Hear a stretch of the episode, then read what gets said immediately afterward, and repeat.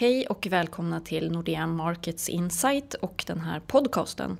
Här berättar vi om utvecklingen på den finansiella marknaden och kort och gott vad som händer på börsen. Jag heter Louise Edlund och med mig här idag har jag Nordens högst rankade aktiestrateg Martin Guri. Välkommen Martin! Tack så hjärtligt! Det har hänt mycket på den politiska arenan i framförallt USA. Berätta lite hur du ser på det.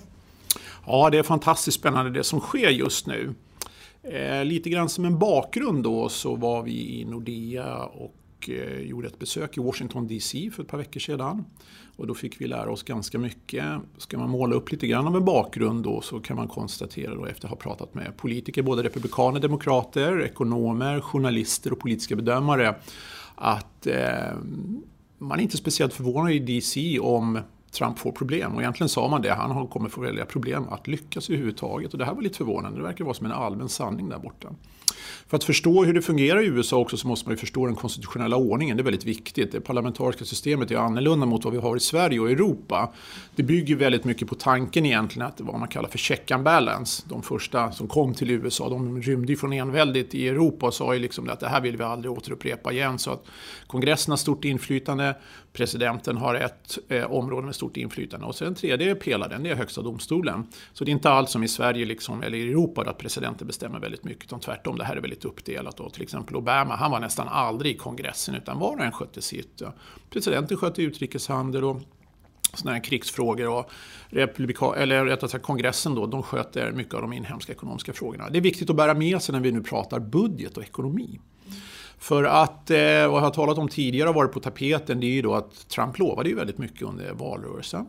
Och jag hade stora förhoppningar att han skulle leverera ett eh, ganska fylligt budgetförslag då till kongressen. I sak är det så då att det är kongressen som äger budgeten. Presidenten kommer bara med ett förslag, men det är de som bestämmer kring de här frågorna.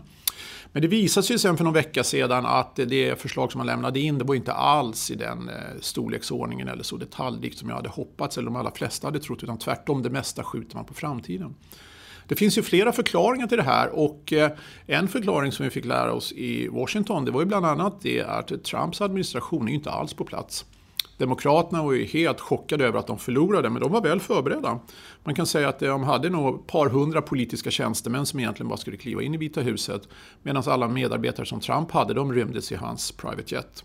Och när det väl då var klart så är det egentligen tomt bakom. Och nu håller man ju fortfarande på att tillsätta ministrar, om man skulle kunna kalla för politiska tjänstemän. Så det går oerhört långsamt.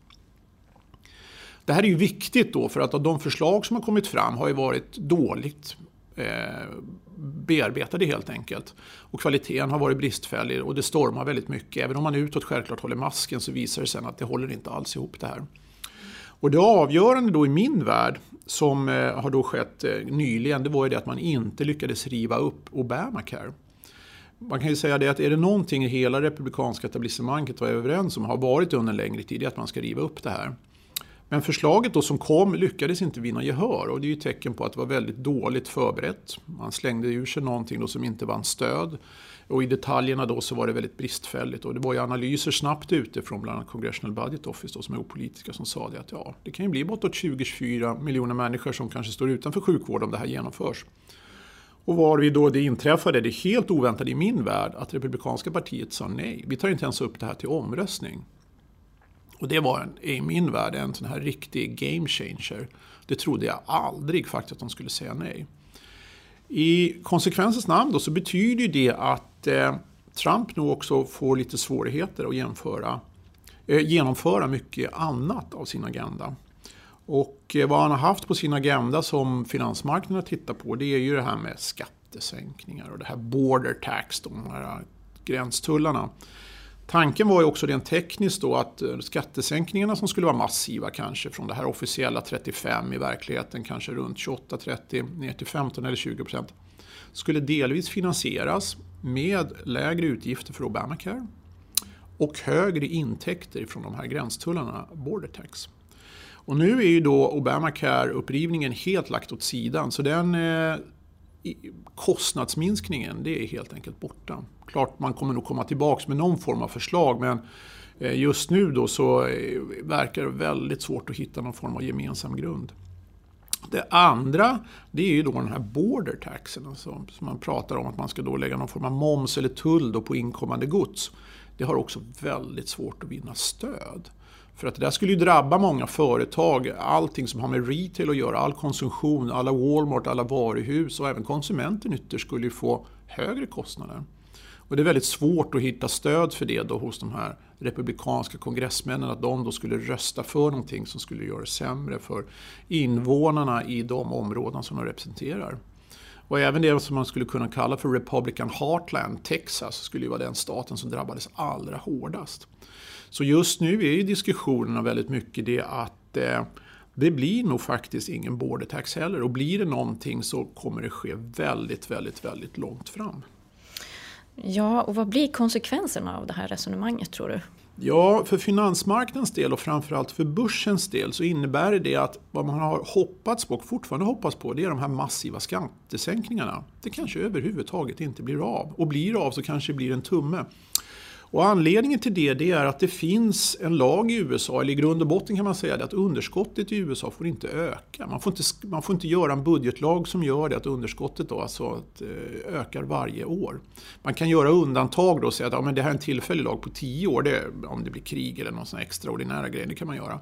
Men man är förbjudet då att långsiktigt öka på underskottet. Och redan nu då så kan vi konstatera att de prognoser som finns i USA från Congressional Budget Office då, som är helt opolitiska visar ju det att underskottet på eh, vad gäller då budgeten varje år ska nu gå från 2-3% av BNP de närmaste 10 åren gå upp till 5. Så varje år ska det bara öka på, öka på, öka på, öka på. Och detta redan innan Trumps förslag. Och Trumps förslag då, om det då skulle vara ofinansierat, vilket man då kan säga att det är, skulle egentligen innebära då att intäkterna skulle minska och utgifterna skulle öka. Och det är ju liksom dubbelfel.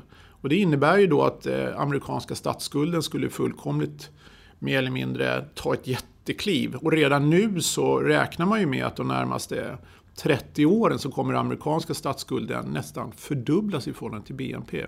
Redan innan alla de här Trump-förslagen.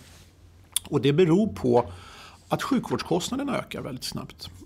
Landet blir äldre, pensionskostnader, sjukvårdskostnader och allt annat ökar väldigt snabbt. Så även om man har samma intäktslinje så kommer man ha ett, eh, ett stigande underskott. Och det är alltså förbjudet att göra en ny lag eller då öka på det här tillfället. Och då faller liksom dominobrickorna. Det är där det faller. Det går inte att sänka skatter om du inte kan hitta en finansiering. Du måste antingen skära dina kostnader eller öka dina intäkter. Och kan du i det här fallet då inte hitta någon möjlighet att skära kostnaderna då via Obamacare så faller nog allt det här. Så eh, finansmarknaden håller vi nu på att smälta det där, framförallt aktiemarknaden. Och eh, det kanske kommer ta ett tag, några månader, kanske några kvartal innan den här, eh, det har sjunkit in totalt och att man liksom märker att nej, det blir nog inte så mycket som vi hade hoppats på. Och då är ju risken för besvikelse ganska uppenbar. Ja, och hur påverkar det här din syn på börsen då? Ja, jag hade ju då tänkt lite grann att eh, Trump nog ändå kunde lyckas lite grann. Mm. Man skulle inte avskriva det här totalt utan det kunde vara så till och med att han skulle agera väldigt kraftfullt. Den här budgeten som jag hade hoppats på skulle vara kraftfull. Och varför då? Jo, för redan nästa höst, i november 2018, så är det vad man kallar midterm election. Hela underhuset och en tredjedel av överhuset väljs om. Och min tes har ju varit ända fram till nu mer eller mindre att eh, han måste lyckas, annars kommer de förlora det här midterm elections. Och nu ser det ju ut som att han kommer nog inte lyckas med det han vill, det här Trumponomics. Och risken att man förlorar midterm selection är väldigt stort. Och då blir det gridlock, alltså det kommer bli låsningar. I underhuset så kommer det bli splittrat om Demokraterna vinner och då blir det så under Obamas sista år. Det händer liksom just ingenting för man kan inte få igenom några förändringar. Och då förstår ju finansmarknaden också, ja ytterligare två år senare då 2020 när det då är presidentval, då kommer ju troligtvis Trump åka ut om han överhuvudtaget sitter kvar då. Eh, och då kommer ju troligtvis alla besluten då som han har infört att vändas. Det blir en policy reversal och det kommer marknaden fatta ganska snabbt. Så i min värld så har ju då möjligheterna att man skulle kunna förlänga då konjunkturen, säg 2018, 2019, 2020, det har mer eller mindre försvunnit. Och eh, jag tror också då att eh, eh, marknaden snarare kommer vara inställd på att det kommer bli ganska segt framöver. Så den här lilla extra boosten vad det gäller tillväxt, högre vinster, högre ränta och på baksidan av det då kanske högre eh, eller starkare dollar för att amerikanska centralbanken skulle behöva agera. Det har försvunnit. Så det har blivit lite mellanmjölk av det hela. Så där, liksom vänta och se. Och det är väl det vi får göra nu. För att eh, tittar jag mig runt då i finansmarknaden hur man har tolkat den senaste tidens händelser så kan man kalla att den så kallade Trump-traden den har försvunnit helt ur räntemarknaden. Amerikanska långräntor har kommit ner rejält, inflationsförväntningarna är borta. Amerikanska centralbanken var väldigt mjuka i sina kommentarer och kommenterade inte ens eventuellt det eh, Trump skulle kunna göra. Eh, så det är ganska tydligt på räntemarknaden liksom att den här Trump-traden är över. Tittar man på valutamarknaden kan man säga samma sak. Dollarn har slutat att förstärkas, vilket jag trodde den skulle göra. Tvärtom, den har försvagats på senare tid. Och det som skulle vara förlorare på Trump-traden om vi tittar på emerging markets-valutor och mycket sådana här länder då som är, skulle må dåligt av en starkare dollar, de har återhämtat sig rejält. Och även i kreditmarknaden ser man samma mönster, liksom att det som var ett starkt tema fram till valdagen har ju under senare månaderna då reverserats. Och nu är det väl egentligen bara börsen som ska ta till sig det här fullt ut. Det kommer ju dröja ett tag faktiskt, men det är det jag ser framför mig. Mm, mm. Men eh, om vi ska ta ett litet omtag kring det du precis har talat om. Hur skulle du sammanfatta det hela både på lite kortare sikt och lite längre sikt? Ja, på kort sikt så ska jag nog säga det att eh, det gäller för finansmarknaden att smälta det här gradvisa nederlaget nog som Trump går mot. Att det blir inte någon Trumponomics att tala om. Det blir nog inte så mycket skattesänkningar, det blir nog inte heller så mycket border tax heller. Och eh, det går helt enkelt inte att finansiera. Så förhoppningarna kommer skjutas på framtiden tror jag gradvis då, de närmaste kvartalen att eh, ebba ut. Ser man på riktigt lång sikt, eh, ett eller två års sikt, så innebär väl det att förväntningarna då på att eh, man så att säga, skulle kunna boosta upp den globala och amerikanska konjunkturen lite extra, det har nog också försvunnit. Å andra sidan får man lov att säga då att inflationsförväntningarna har kommit ner för att det skulle bli konsekvensen av att man dopar ekonomin kraftfullt ett par år. Så för börsens del så blir det väl så liksom att ja, det är ju inte bara dåligt men mycket av förväntningarna har ju kommit ur. Och nu har ju börsen gått väldigt starkt en längre tid på förhoppningar på Trumponomics. Och att vi nu då skulle komma in på kort sikt de närmaste månaderna i ett vänta och se, kanske lite besvikelse fönster och kanske också att mycket vinstuttagningar då skulle leda till att vi får en segare börs. Det ser jag framför mig. Så lite tråkig börs tror jag närmaste tiden för vi behöver nya intryck och jag tror de intrycken vi kommer få de kommer nog inte vara i positiv eh, riktning utan snarare att man kommer ifrågasätta mer och mer. Mm. Eh, innan vi rundar av för idag, finns det något särskilt sådär som vi bör hålla lite extra koll på den närmsta tiden? Ja, jag tror att eh, de europeiska valen trots allt är ju värda att, att prata om. Eh, det franska valet är ju det som står närmast på tur här om några veckor. Det är ju två omgångar då till presidentvalet. Men man sen ska komma ihåg att sen väljer man ju även parlament i Frankrike ytterligare några veckor senare.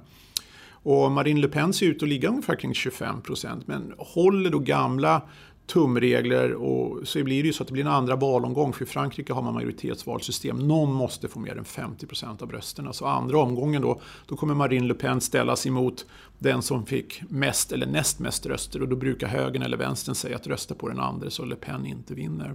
Men skulle ändå Le Pen ta presidentskapet så är ju inte det hela världen.